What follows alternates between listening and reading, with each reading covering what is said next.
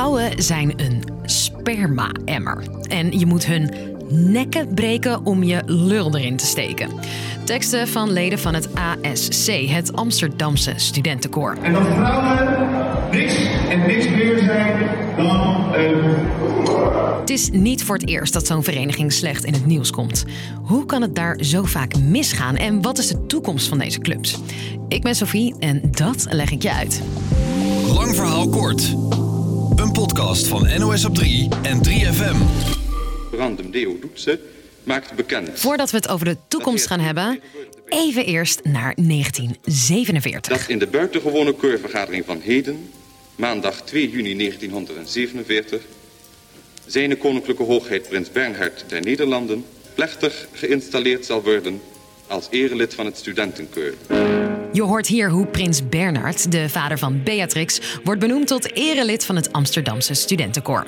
1947, lang geleden dus. Maar de corporale studentenverenigingen bestaan nog veel langer. Ja, die gaan echt al eh, honderden jaren terug. Dat is echt eh, heel oud, die traditie. Je hoort Mark van Ostaaien, een socioloog die zich heeft verdiept in de verenigingen. Ze zijn, ironisch gezien, zijn ze ooit opgericht om uh, studentenbalorigheid en vechtpartijen een beetje te beteugelen en te disciplineren.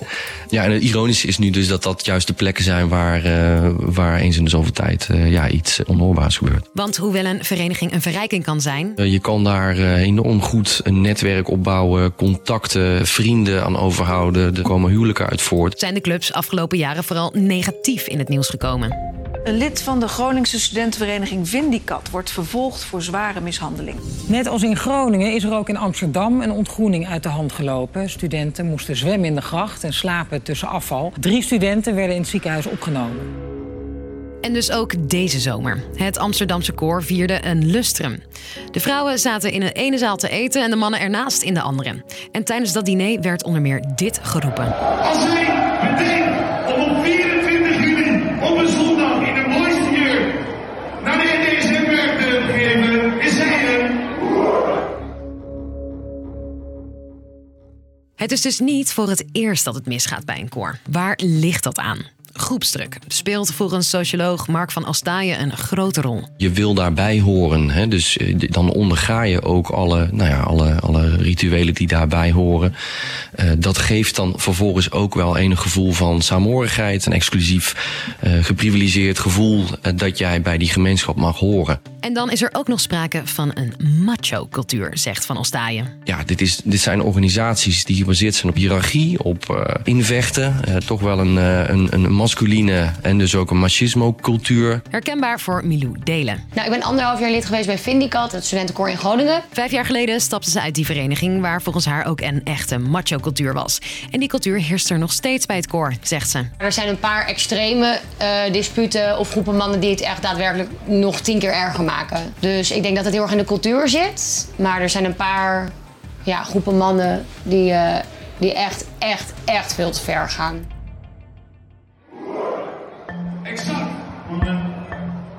Bij het AC gaat het dus nu weer mis. Die speech kwam op Dumpert. En een enorme golf van kritiek volgde.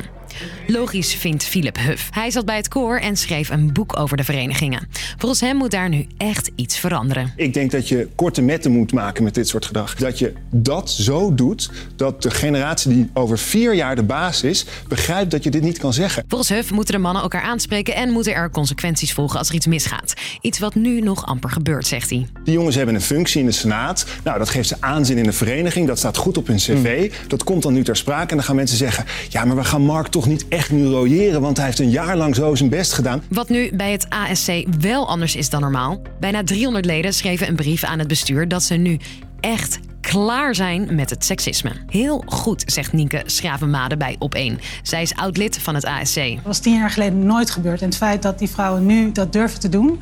is ten eerste fantastisch, maar ten tweede ook, ook een groot teken aan de wand. Dat er wel degelijk iets mis is binnen nou, in ieder geval het AC. De Amsterdamse Universiteit en Hogeschool hebben besloten voorlopig geen geld meer te geven aan de vereniging. Maar of dat iets gaat veranderen? Oud-koorlid Arthur Omkroven denkt van niet. Je moet je voorstellen, zo'n koor heeft een enorme hoeveelheid oud-leden. Er zijn ook een aantal van die zijn heel rijk. Dus geld zal nooit het probleem zijn. Dus ik denk inderdaad, het enige wat, wat echt heel hard aankomt, is dat je ze hun vergunningen intrekt. En dan moet de sociëteit sluiten voor een bepaalde tijd. Schravenmade denkt dat dat te ver gaat. Verenigingen moeten volgens haar vooral de zwijgplicht aanpakken. Dat als er dingen gebeuren die niet door de beugel kunnen, dat, dat, dat er gewoon naar de politie gestapt wordt. Er zijn ongelooflijk veel incidenten die echt naar buiten hadden moeten komen. Maar omdat er een zwijgplicht is, gebeurt dat niet.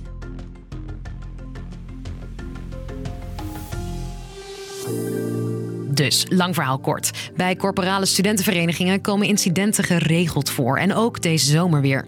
Volgens experts en oud-leden komt dat door de gesloten macho-cultuur die daar heerst. Nadat leden van het ASC weer de mist ingingen, zijn een hoop leden er klaar mee. Er moet iets veranderen. Dat was hem voor vandaag. Morgen zwijgen wij ook niet en staat er weer een nieuwe lang verhaal kort voor je in de podcast-app. Mag je gewoon luisteren, helemaal ongedwongen.